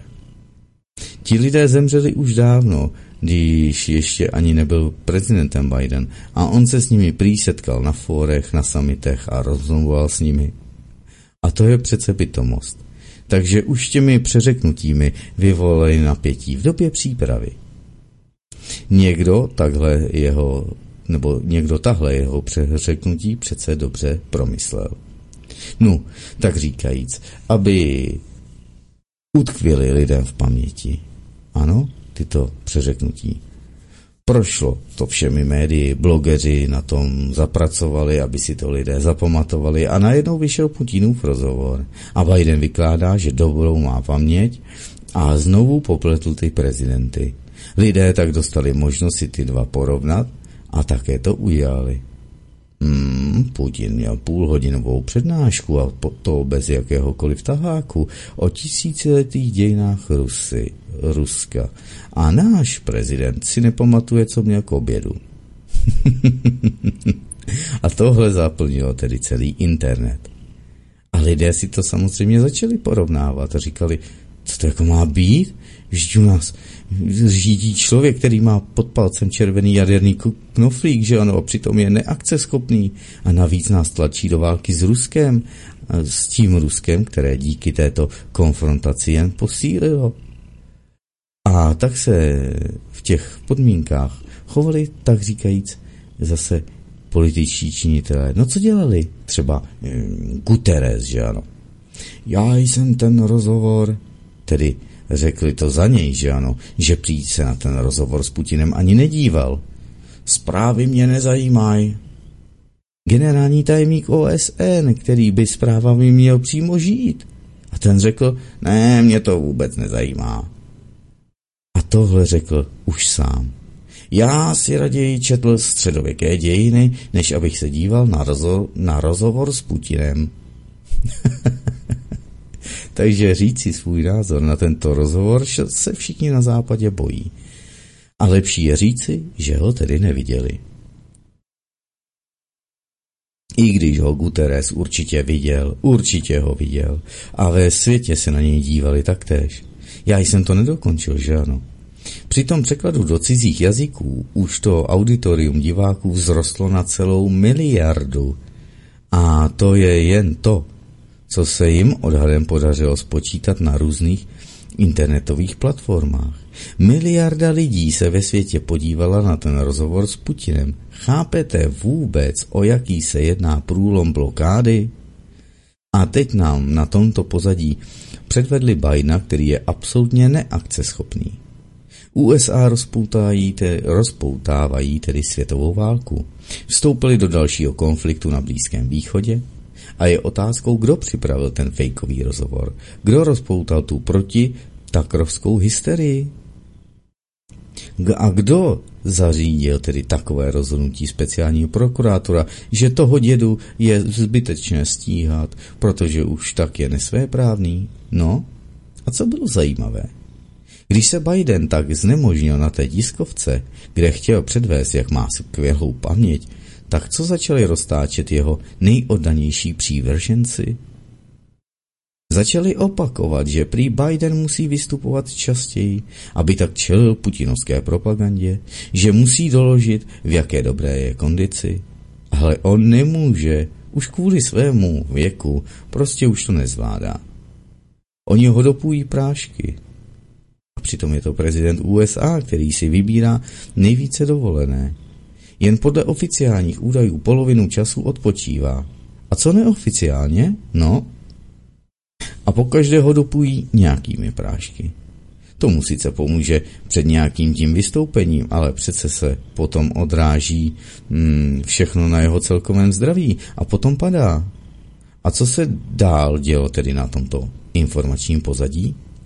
Jens Stoltenberg z NATO prohlásil, ne, na to nepozoruje žádné příznaky možného útoku na své území, útoku Ruska na území NATO, ale rituálně je nutné se připravovat k udražení takovéhoto útoku. Takže ne, oni nevidí. Už je to určitý odklon. A co bylo dál? My jsme si zvykli, že všichni západní lídři sjezdí do Kieva jako na procházku, a nikdo se ničeho nebojí. A najednou Macron odložil plánovanou návštěvu a říká, eh, jak to bylo, eh, že tam nepojede z bezpečnostních důvodů. Takže o čem to vypovídá? No o tom, že se dívají, co teď bude v Rusku. Zda jim bude opět rosionská elita moci přihrávat vše s ohledem na Ukrajinu? Nebo zda se po tom rozhovoru zásadně změnil postoj Ruska k západním státům a už žádné přihrávky nebudou a Rusko začne tvrdě pracovat na denacifikaci a demilitarizaci Ukrajiny. A jakmile do toho Rusko vstoupí vážně, tak už by tam ti političtí turisté jezdili zbytečně. A vyšlo to zrovna na Macrona. Ta doba, kdy je zapotřebí vyčkat, aby se zjistilo, Zda to takový jako Gerasimov a Napoleonová přetlačí, nebo zda Rusko vybojovalo další pozici při obnově své suverenity. Rusko v každém případě tedy tu pozici vybojovalo. Jeho postoj byl sdělen celému světu a miliarda lidí se na to podívala. Miliarda. Takže teď musí Rusko dál pracovat. A jak jsem řekl, Putin předal dokumenty. A teď se může na ty dokumenty odvolávat hezky. Žádné dělení Ukrajiny není ani být nemůže. Žádná její území jiným státům nepatří. Vůbec je otázkou, zda například takové Rumunsko, řekněme, má vůbec právo na svou existenci. Co takhle obnovit stát Moldavska? Nebo státnost? Kterou, nech toho, kterou pošlapala ta západní smečka? Když v roce 1878 vytvořila Rumunsko a místo cyrilice tam zavedli hezky zase latinku, no. To totiž byla jediná odlišnost rumunského jazyka v té době. Mám na mysli od moldavštiny. Rumunsko nemá právo na existenci. A jestliže Rumunsko nemá... Schodíš? Omlouvám se, Ciky, si tady teď všimnu. Dobrý, schováno a Ciky snad dá pokoj.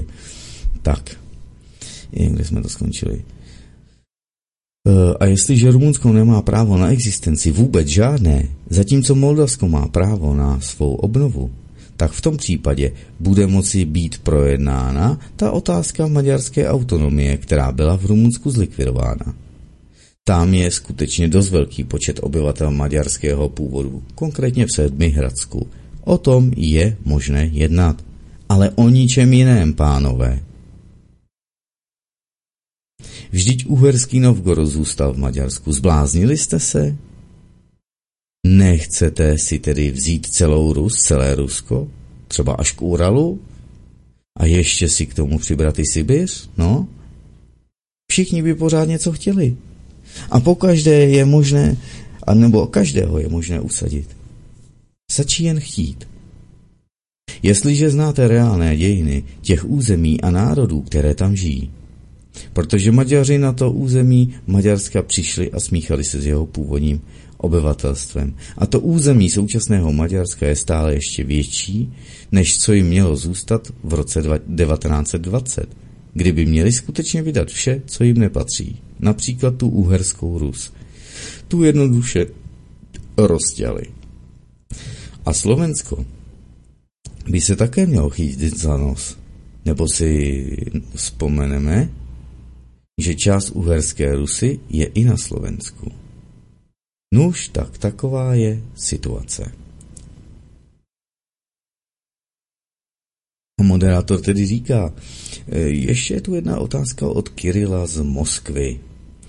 Valerii Viktoroviči, ve vašem posledním pořadu jste říkal, že ty tahanice okolo odvolání Zalužného jsou z iniciativy Zelenského, aby se déle udržel o vesla a že to není výhodné pro USA. Možná je to odvolání Zalužného zapotřebí, aby nahradil Zelenského, no? Aby potom nový prezident Ukrajiny v úvozovkách, který nebude tak moc poskvrněn těmi zločiny Kieva, mohl uzavřít mír, řekněme příměří, s ruskou elitou? No a pan Pekin jde na odpověď a říká, ten, že není poskvrněný, zalužný, ten, který vedl té ukrajinské ozbrojené sebrance, který napomáhal a pozbuzoval všechno to mučení vojenských zajaců, všechnu tu své voli, ten, který ostřeluje civilní města, ten, že za nic nemůže, s ním bychom měli něco uzavírat? Vždyť je to stejné, jako kdybyste místo Hitlera nabízeli dohodnout se s Himmlerem, s šéfem gestapa. No, ale tohle je přece něco úplně jiného. No tak promiňte. Ale to je tedy teze, opravdu nechápu, jak vůbec mohla vzniknout. To je mimochodem výsledek kaleidoskopu a kaleidoskopického zpravodajství, protože u nás v informačních kanálech se o této věci mluví. Ve skutečnosti je ta situace taková, že Zelenský si už dávno uvědomil, že má být obětním beránkem. Potřeboval si odstraněním zálužného opevnit vlastní pozice. A proč se musel zbavit zálužného? No, protože Zalužný má u té ukrajinské ozbrojené sebranky vysokou autoritu. A v podmínkách tedy vedení války, žít oni přece vedou válku, nemohou provést volby. Ve volbách jako takových by bylo složité tu otázku řešit, protože když vyměníte Zelenského za Zalužného, tak vám to nijak nepomůže. Ale zvýšit ředitelnost a prodloužit tu konfrontaci s Ruskem, to možné je. A potom Zalužný provede státní převrat, on má přece v rukou armádu a svrhne Zelenského. Nadnárodní řízení má před sebou tedy dva úkoly. Ten první, hmm, tedy přesněji, musí vyřešit problém sestávající ze dvou částí. Co si počít s Ukrajinou? Ve smyslu, No, jestliže Ukrajinu odepíšeme a nějak se dohodneme s Ruskem, je nutné všechno hodit na Zelenského, všechno to negativum pověsit na Zelenského a s odpisem Zelenského se dohodnout s Ruskem. A zalužného naopak z toho negativa vytáhnout ven a zachovat si tu kádrovou základnu teroristů. A oni jsou teroristé, vždyť už to předvedli. Ty síly speciálních operací, které na ruském území provádějí teroristické činy, to jsou zaměřené činy proti civilistům a je to všechno práce zalužného. Takže ho chtějí z tohoto vyvést a zachovat si tu kádrovou základnu pro budoucí teroristickou podzemní válku z, v Rus, proti Rusku, která tam přijde a bude ta, se tam, které tam přijde a bude tam nastolovat mír a obnovovat to, co bylo zničeno. Tak, dáme si pauzu.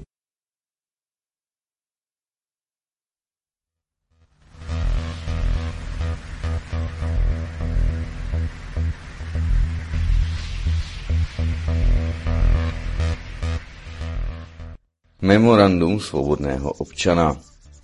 Slované mohou rozhodnout o dalším osudu Evropy, pokud se spojí a budou rozhodující silou vzdorující okupantům a válečným štváčům, kteří nás po celé generace postrkují ke vzájemné nenávisti a vraždění. Osud světa, jak ho známe, spočívá v našem svědomí. Proto signatáři memoranda svobodného občana vyzývají, aby se naší prioritou stalo funkční referendum, ve kterém by se každý z nás mohl rozhodnout, zda se naše země vymaní z temnoty, anebo se vydá za skutečnou svobodou, kam tedy vede, vystoupení z NATO, neutralita, přímá demokracie, vlastní nezávislá měna, plná potravinová soběstačnost, státní banka s nulovým úrokem, strategické podniky v rukou občanů, školství a zdravotnictví hrazené ze státního rozpočtu a veřejnoprávní média pod přímou kontrolou. Více naleznete na stránkách www.memorandum.sk. Ve spolupráci s časopisem Zem a Vek připravil svobodný vysílač a studio Kadaň.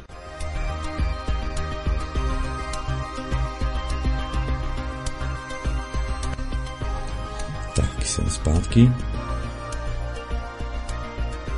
A jdeme se tedy na to vrhnout. Tak, kde pak jsme to skončili? Já jsem to tady nepoznačil. A to vezmu ještě tu poslední větu. Takže ho chtějí z toho vyvést zalužného a zachovat si tu kádrovou základnu pro budoucí teroristickou podzemní válku proti Rusku, které tam přijde, bude tam nastolovat mír a obnovovat to, co bylo zničeno. Vždyť o čem sní? Že někde vyhodí do vzduchu most. Viděli jsme přece, jak v Mariupolu vyhodili do vzduchu divadlo. Ano, a to video jsem vám sem dával, dámy a pánové. Ještě se tím chvástali, že ano. Vyhazují tam do vzduchu kostely a tak dále. Jsou to teroristé. Tak tuto masu si chtějí ale teď zachovat. Pokud plánují do budoucna vleklou válku, tak si budou muset zachovat zalužného, aby potom cestou státního převratu, až bude Zelenský nelegitimní a moc je přece na konci pušky.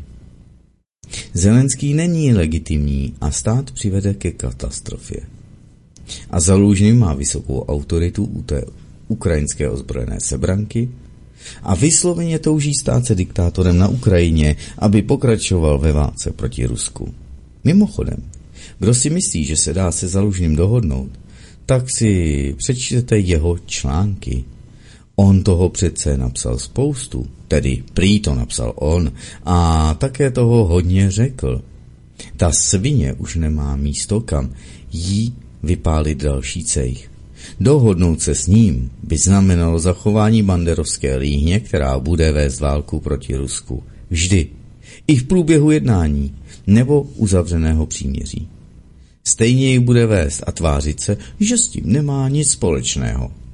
Co ode mě chcete? Sami v Rusku lezete po čtyřech před Američany, tak hezky lezte dál. Protože vždyť se podívejte, jak Bůh ty ničemi označuje. Vždyť jeho příjmení je zalužný.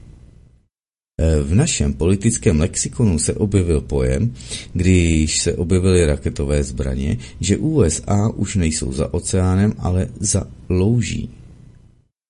Že už je to pro rakety pouhá louže. Takže jako když dělostřelectvo dostřelí za řeku za louži. Takže USA už jsou jen za louží a on je za lužný. Takže koho zastupuje? Američany a má zajímavé příjmení. Takže co se stalo? Přiletěla Vicky Nulendová, aby se podívala, jak to tam vypadá. No a jak se říká, tak se Zelenským se vůbec nesetkala. Měla tam schůzky s jinými lidmi. Zda se setkala se Zalužným, to je samozřejmě otázka. Nicméně si povšimněte, že ta situace s odvoláním Zalužného se zcela sešla s politickou krizí, kterou zorganizovali globální elity přímo v USA. A to znamená jednoduchou věc. Kdyby Zalužného odvolal Zelenský, tak by ta loajálnost banderovské pakáže v té ukrajinské ozbrojené sebrance vůči USA byla podlomena. O, podívejte se, co udělali. Podrazili bojovýho velitele, takže nás také podrazí, prodají. K čemu je mi takový ráža? Raději si najdu jiného, kterému budu dál sloužit. No, to znamená, že by opadla ta oddanost, jakou teď projevuje ta sebranka. Něco by splnili, něco ne a někde by zase nějak manévrovali. A oni ji potřebují zachovat v plné síle a proto přiletěla Vicky Nulendová, aby zjistila co a jak. Pokud by došlo na to odvolání, tak eh, aby to proběhlo co možná mm, tak, aby všichni viděli, že USA tu ukrajinskou ozbrojenou sebranku nehodili přes palubu, že dál stojí za zalužným a oni se proto musí orientovat na něj a pokračovat ve válce proti Rusku. Dokonce tedy i v případě, že bude Ukrajina osvobozena od fašistů a bude nutné se poschovávat v bunkrech, někde něco vyhazovat do, do povětří, zabíjet dál děti. K tomu jsou všichni připraveni. A to znamená zalužný. A jak to dopadlo? No přesně takto. Jen si to vezměte, projekt Ukrajina má být v nejbližší době odepsán. Zalužného postavili stranou, aby si to neodnesl, a veškerou tu banderovskou sebranku také, a na Zelenského a tu jeho bandu hodí celý ten následný krach Ukrajiny. Takže, když se v konfliktu Zelenského se Zalužným postavili jako byli za Zelenského, tak ve skutečnosti to vyhrál Zalužný a Zelenský plně prohrál. A to z jednoho jednoduchého důvodu, že teď je odpovědný za všechno. A odepisovat budou společně s krachem ukrajinského Majdanu, státního převratu, výlučně Zelenského. On si chtěl posílit své postavení, aby ho američané potřebovali, aby ho více začali brát a podporovat, aby neměli nikoho jiného, s kým by tam mohli spolupracovat a dopadlo to naopak. Podpořili Zalužného. To jeho postavili stranou, aby na něj ten úder nedopadl a všechno to pověsili na Zelenského. Pěkný politický chod. To ovšem opět neznamená, že teď už nemusíme nic dělat, že pěkně položíme a složíme ruce do klína a hotovo, protože vyhrajeme. Ne, my vyhrajeme jen, když je budeme dál válcovat. Jen když budeme dál, jenom když bude dál likvidována všechna ta bangladerovská pakáž, tak jenom tak dokážeme vyhrát. A pokud ne, no, Zelenského prostě znovu vyzdvihnou a udělají z něj modlu všech těch vítězství. Nesmíme tedy hrát tyto jejich hry. Musíme vést svou vlastní suverénní politiku a nenechat se nachytat na tyto jejich eskamoterské hrádky. A nemyslet si, že když Zelenského odepsali, tak teď všechno, že půjde dále hladce. Ne, Máme před sebou silného protivníka, mrštně manévrujícího protivníka, který není zatížený žádnými kladnými morálními hodnotami. Protože i lidoet přeci má svoji mravnost. Oni si libují v likvidaci jiných. Stejně jako když na svém území zlikvidovali američany indiány a tak dále. To nás opět tedy vrací k tomu rozhovoru. Putin tam uvedl příklad, jak mluvil s Bushem, který mu slíbil, že ten terorismus dá do pořádku a nic z toho. A jak dobili to území Ameriky? Takže se s Indiány vždy na chvíli dohodli, velký bílý otec ve Washingtonu vždy slivoval hory doly a potom přišly bílé bandy a začaly Indiány likvidovat a zabíjet. Ale velký bílý otec je ten hodný, ten za to přece nemůže a oni teď dělají to samé. Všude postupují stejně. A proto budou stejně postupovat i zde na Ukrajině. Nesmíme se na to nachytat. Musíme si uvědomovat, že když už se zlomili, když jsou připraveni, hele, tím, že tak nebo že tam dosadili Zelenského, ukázali, že jsou připraveni odepsat projekt Ukrajina, odepsat ho kvůli dohodě. Teď proběhl v USA silný informační útok. Jenže si nesmíme myslet, že se s tím všechno hned zlomí. To ani náhodou. Řízení je proces informační a šíření informací to je řízení. Jestliže nešíříte své vlastní informace a nestaráte se o jejich podporu pomocí udržování informačního pole, tak v každém případě prohrajete. Jednorázové akce totiž nic neřeší. Ve svém souhrnu teprve jednotlivé kroky vytvářejí informační pole a vedou k dosažení vytyčených cílů. Potřebujeme Ukrajinu demilitarizovat a denacifikovat? No potřebujeme. To znamená, že musíme dál vést práci s americkým auditorem, auditoriem, pardon, tedy obecenstvem, a dál vést suverénní ruskou politiku. Je nutné se vypořádat s centrální bankou a s Gerasimovem. A mnozí si myslí, kolik teď už létá dronů a raket. Ano, letí jich mnoho, ale likvidují objekty, které potom budeme muset obnovovat. Přitom by se Teal dal deaktivovat zcela jinak. Stačilo by narušit logistiku, což by vedlo k hromadnému ústupu, k úděku. A v čistém poli je potom možné všechny ty banderovce, benderovce likvidovat kazetovou municí, aniž by bylo nutné útokem brát opevněné pozice. Ale to se nedělá. A jedná se o politické rozhodnutí. Nemusíme vůbec chodit daleko, stačí se podívat na začátek té speciální vojenské operace. Tam všechno bylo provedeno správně, připravili ukrajinskou ozbrojenou sebranku o možnost manévrovat, neměla žádné pohonné hmoty a nakonec se ocitla v čistém poli a to se potom jinak řeší úkoly. Takže taková je situace. Moderátor tedy říká, to byly pro dnešek všechny otázky. No což, odpovídá pan Pěkin, tak to už mi nezbývá. Než se s vámi rozloučit a připomenout vám, že mnohé věci jsou nám nepochopitelné, ale ne kvůli slabému rozumu, ale protože je nemůžeme zařadit k tomu, co už známe.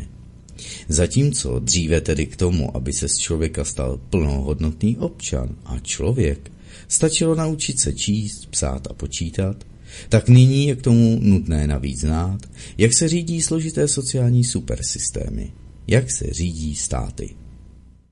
Jen se znalostí toho, jak se řídí státy, můžete ve své každodenní činnosti bránit zájmy své a své rodiny a napomáhat upevňování státu a tomu, aby se loď nepotopila. Protože nebude-li tu stát, tak ať se budete jakkoliv snažit uchránit svůj maličký svět, zhroutí se vám společně i se státem. 90. léta v Ruské federaci toho jsou příkladem a důkazem. Ano, někteří to ustáli, ale to proto, že sloužili cizímu páničkovi. A co? Přinesli lidem hodně dobra? A teď pracují proti Rusku. Takže nechráníte-li, nezachráníte-li Rusko, nezachráníte ani svoji rodinu. K tomu jsou potřebné znalosti o tom, jak obranou zájmu svých a své rodiny zachránit Rusko a jak z něj udělat silný, suverénní stát. A takové znalosti naleznete jen v jednom zdroji v pracích vnitřního prediktoru souborné sociálně spravedlivé Rusy. V koncepci sociální bezpečnosti. Proto čtěte práce vnitřního prediktoru. Stávejte se konceptuálně mocnými. Začít můžete číst tedy jakoukoliv jeho práci. Ale pro tento silný manévr, který nyní probíhá, pro tu krizovou situaci jsme předem připravili a vydali třídílnou práci Válka, stát a bolševismus, kde je vyloženo, co je to stát a zda jsou všechny státy skutečnými státy, co je to válka a způsoby jejího vedení a kde je východisko z této krize. A to vždy spočívalo v ruském bolševismu. Protože bolševismus je unikátní jev ruského světa, ruské civilizace. Tak já vám tady můžu dát vlastně proklik eh, na nějakou tu knížku, na nějaký ten obal, tak se koukneme třeba na trojku, ta je o válce, šupky ruky, jdi do pytle, ty Google A tady to máte o světě křivých zrcadel 2, 3, to máte o válce, o světě křivých zrcadel 2 je o státu, dámy a pánové, moc důležité. A o světě křivých zrcadel 4 je o bolševismu. Abyste to věděli, máte to v české lokaci, máte to v knižní podobě na stránkách inženýra Jana Buska zakázané vzdělání.cz. Stačí si to jenom objednat. Všechny čtyři. Od jedničky do čtyřky a máte co studovat. Tak. A budete pak i na různá tady vysílání na svobodném vysílači možná pohlížet jiným úhlem pohledu. Tak, bolševismus, to je unikátní jev ruského světa, ruské civilizace. A k této třídílné práci jsme se psali tedy tu práci, nebo tu knihu, že ano, Eh, státní suverenit, státní symboly a státní suverenita, tak já vám ji dám teď, i když jste ji věděli na začátku. Kde už jen tedy ze státní symboliky, například podle vlajek, můžete určit, jaké místo v hierarchii států zaujímá ten či onen stát a nakolik suverénní může být jeho politika. A naši partneři vydali tedy sérii knih v knihovně konceptuálních znalostí, Byly vydány tedy díly o ekonomice, o imitačně provokační činnosti, abyste poznali tedy, kdo říká pravdu a kdo se pokouší manévrovat a využívá k tomu vlasteneckou tématiku.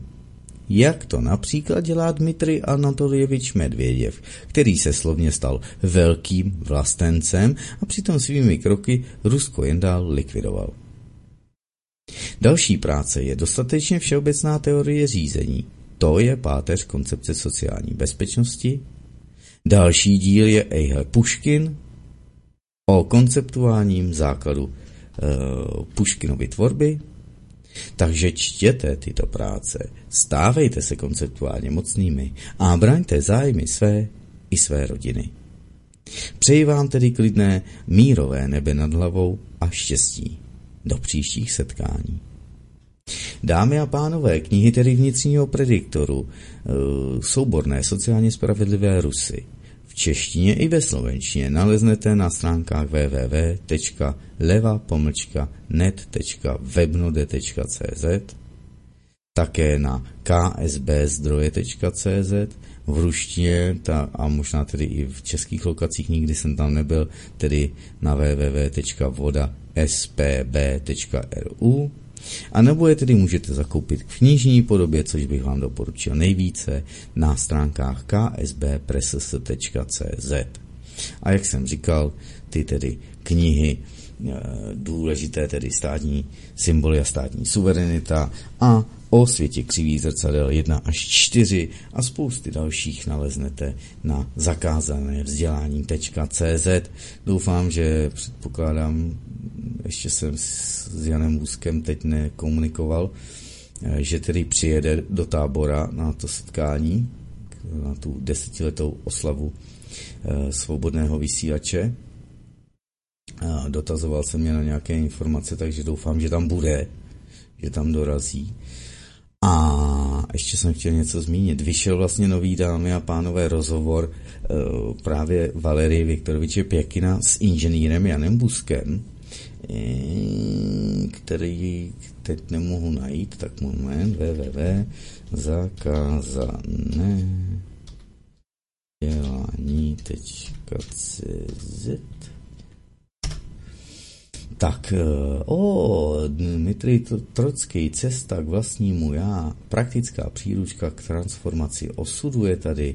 A také nová kniha Georgij Sidorov, chronologicko-ezoterická analýza souča- eh, rozvoje současné civilizace, prameny vědění a to je dokonce druhý díl, tak já čučím.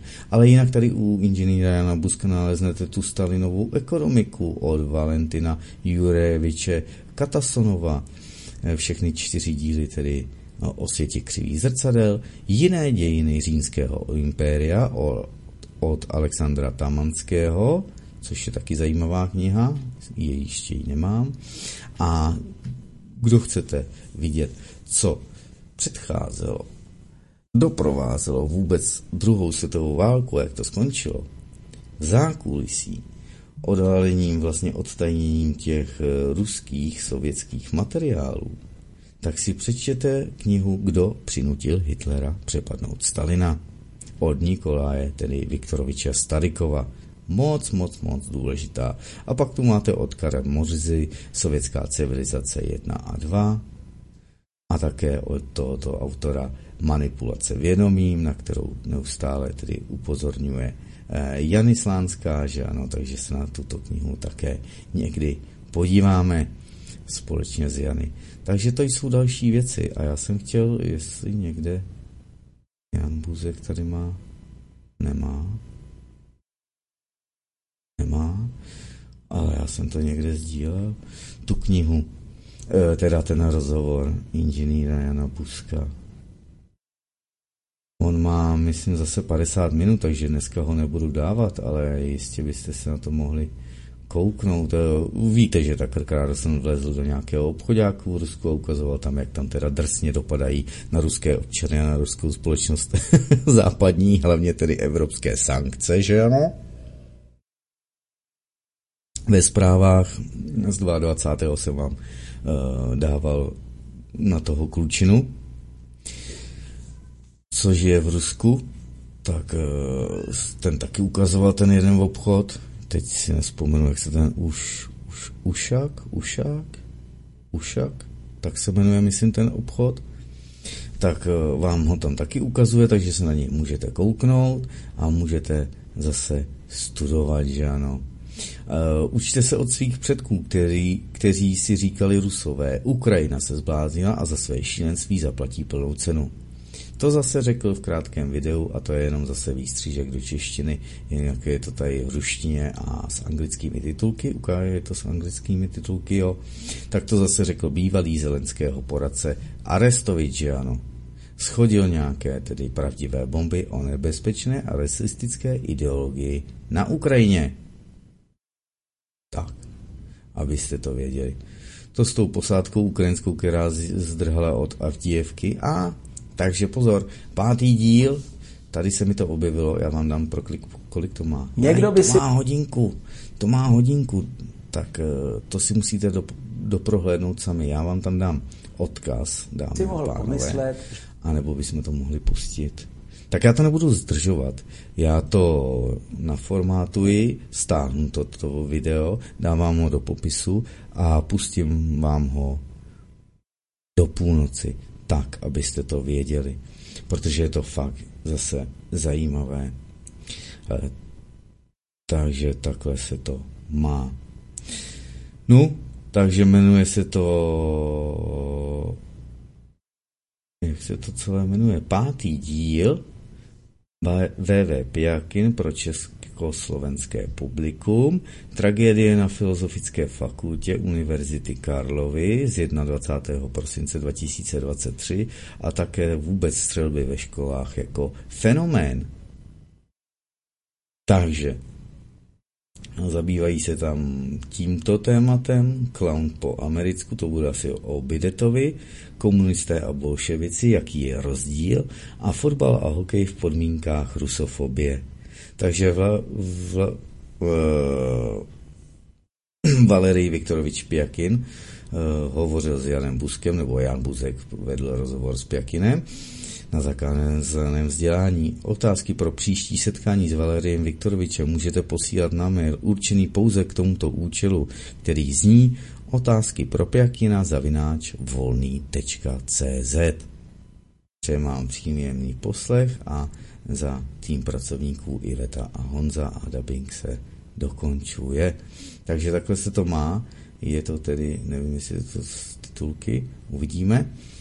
Takže to je nejnovější a vyšlo to dneska, 23. Včera to vyšlo 23. 2. tak 2024 takže můžete sledovat a já vám to, jak slibuji, dám do popisu pořadu. Takže jo, dámy a pánové, nebudu to tady zdržovat, mohl bych teda něco ještě natočit do kolik nám zbývá, kolik nám zbývá, 10 minutek, nic vám nenatočím, pošlu vám, abyste věděli, jak bylo zničeno i Česká republika, František Ringočech, ne, nebudu vám tam dávat nic, dámy a pánové, takhle se to má. Ty knížky, já se teď půjdu, já to budu ukládat a knihy si objednejte a čtěte. Ano, ano, ano. Koukněte se na to z, této, z tohoto úhlu pohledu na tedy z pohledu koncepce sociální bezpečnosti a dostatečně všeobecné teorie řízení abyste tomu trošku porozuměli. A porovnávejte s tím, co říká pan Pěkin, porovnávejte to s tím, co, jestli už jste slyšeli, já doufám, že všichni ano, e, jestli jste slyšeli a viděli ten rozhovor eh, Takra Kársna s Vladimírem Vladimirovičem Putinem. Někdo si tam povšiml, že snad 17. sekundě si právě uh, pan Putin sundal hodinky a že mě podle, položit vedle pera, čímž na pravé straně stolu, tedy dále od kamery, čímž eh, tam měl vytvořit Q. Už jsem to najednou říkal. Takže se na to můžete podívat, jo? A další a další věci. Takže takhle se to má. Dámy a pánové, já vám děkuji za jakoukoliv formu podpory, za sdílení, šíření a tak dále a tak dále. Doufám, že se uvidíme na v táboře od pátka až do neděle tam budu osobitně, takže kdykoliv dejte vědět na telefonní číslo Studia Kadaň, protože to je číslo, který se mu nosím stále. Můžete se na to podívat, můžeme se domluvit. Eh, říkal jsem, že když budete mít nějaké zajímavé eh, náměty, kam se jít kouknout, ať už v pátek, i když to nevím, jestli nebudu utahaný, nebo v neděli bychom to udělali určitě nějaký okružní po táboře se kouknout. Je tam spousta zajímavých věcí. To centrum určitě bude krásné, historické. Což já miluju. A když právě třeba vidím záběry z ruského, tedy konkrétně moskevského metra, když vidím, jak vypadá Petrohrad, Sankt Petersburg, když vidím ty další města, že jo, Volgograd, tam je ta mať volá, eh, matka volá, matka Rus volá na té Saurmohyle a spousta dalších, tak eh, to je nádhera, když to vidíte. Jenomže vy se musíte kouknout, že podobná, nejen ta samá architektura, je ale použita na celém světě. A vy se pak musíte zajímat o to, co byla Velká Tartárie, a musíte se zajímat o další věci, nebo vás to aspoň k tomu nakopne. A pak zjistíte, že všechno bylo jinak. Tady je krásný obrázek, já vám tady dám kocoura. Víte, že 23. tedy se slavil uh, den obránce vlasti, i když tam je to zašítník očičestva, což by mělo být tedy uh, obránce obyvatelstva, ne vlasti. Ono je nám to tady e, trošku špatně překládáno. Já chápu zase, že no, ukažte, je to, je to tady ten kočičák? Jo, pojďte, já vám ukážu tady kocoura. to je super. Tady sleduju jedny stránky na VK Neurokoti, který Neurokocour a tam mají tady ty krásné animace s kočkami i kocoury, takže je to fakt super. Tak sice tam má za sebou samozřejmě tu trikoloru, kterou tedy víme, že Hitler daroval vlasovcům nůž, ale zatím se s tím musí pracovat. A, ale víte, vidí, a vidíte to stále, že za panem Pjakinem je ta vlajka vždy na tom uh, aktuálním obrázku úvodním, vždy tam je sovětská vlajka se srpem a kladivem. Tak, to abyste věděli. Tak dámy a pánové, takhle to je. Mějte se krásně, přeji vám krásný víkend celý vlastně a stravte ho zase co nejvíce s rodinou, s blízkými a tak dále, protože je to čas, o který vás už nemůže nikdo okrást. Mějte se krásně a ještě jednou děkuji za jakoukoliv formu podpory a, sdílení a všeho takže mějte se krásně. A kdo budete chtít tedy samolepky, tady mám nachystaný, nachystané samolepy, ať už ty jednoduché, nebo to poslouchám svobodný vysílač, tak budou k dostání, vezmu je tam, eh, vezmu tam i nějaký plagáty A když tak, kdyby někdo chtěl nějaký trička, tak to na tom srazu domluvíme, napíšete mi kontakty a velikosti a barvy a tak, eh, tak by se to dalo udělat. Protože je to nákladný, stojí to kupu peněz, stojí to kupu času a mm, nebudu to dělat na blind, jak jsem to dělal dřív, to zkrátka už ne. Aby mi tady pak leželo tričko za nějakých 450-500 korun v dnešní době, protože ty ceny zase vzrostly, tak aby mi tady leželo ladem, to ani náhodou, to jsou mý peníze a musím to brát trošku ze zřetelem na právě na sebe a na svoji rodinu, takže to takhle dělat nebudu. Ta, jenom tedy, kdybyste tedy chtěli, tak se tam domluvíme, dáme si informace, kontakty a tak dále. Já tam schválně dvě trička tam vezmu, zelené a modré a budete moc kukat a když tak vezmu i černý, tak eh, a to je takový obyčejnější se svobodným vysílačem. Ještě mě teď napadlo, že bych na něj dal něco udělat. No, uvidíme. Dámy a pánové, takhle to je, anebo na to druhé to je jedno. Eh, protože mě napadlo na záda dát ten citát od Karla Kryla, aby jsme ho věděli a viděli. Počkejte, já vám ho tedy dám nakonec ještě do toho, do popisu, eh, teda dám vám ho tady a já to z něj přečtu. Ne, počkej, citáty o tom, že politikům se nevěří, že politikové se kontrolují, politici vůbec. Já to musím roztáhnout, aby to bylo čitelné a jdeme se na to mrknout. Takže politikům se nevěří, politikové se kontrolují. Věří se v Boha, věří se v přírodu, věří se v krásu, věří se v myšlenku, ideu. V politika se nevěří a kdo v něho věří, je idiot. Dámy a pánové, děkuji za pozornost, mějte se krásně.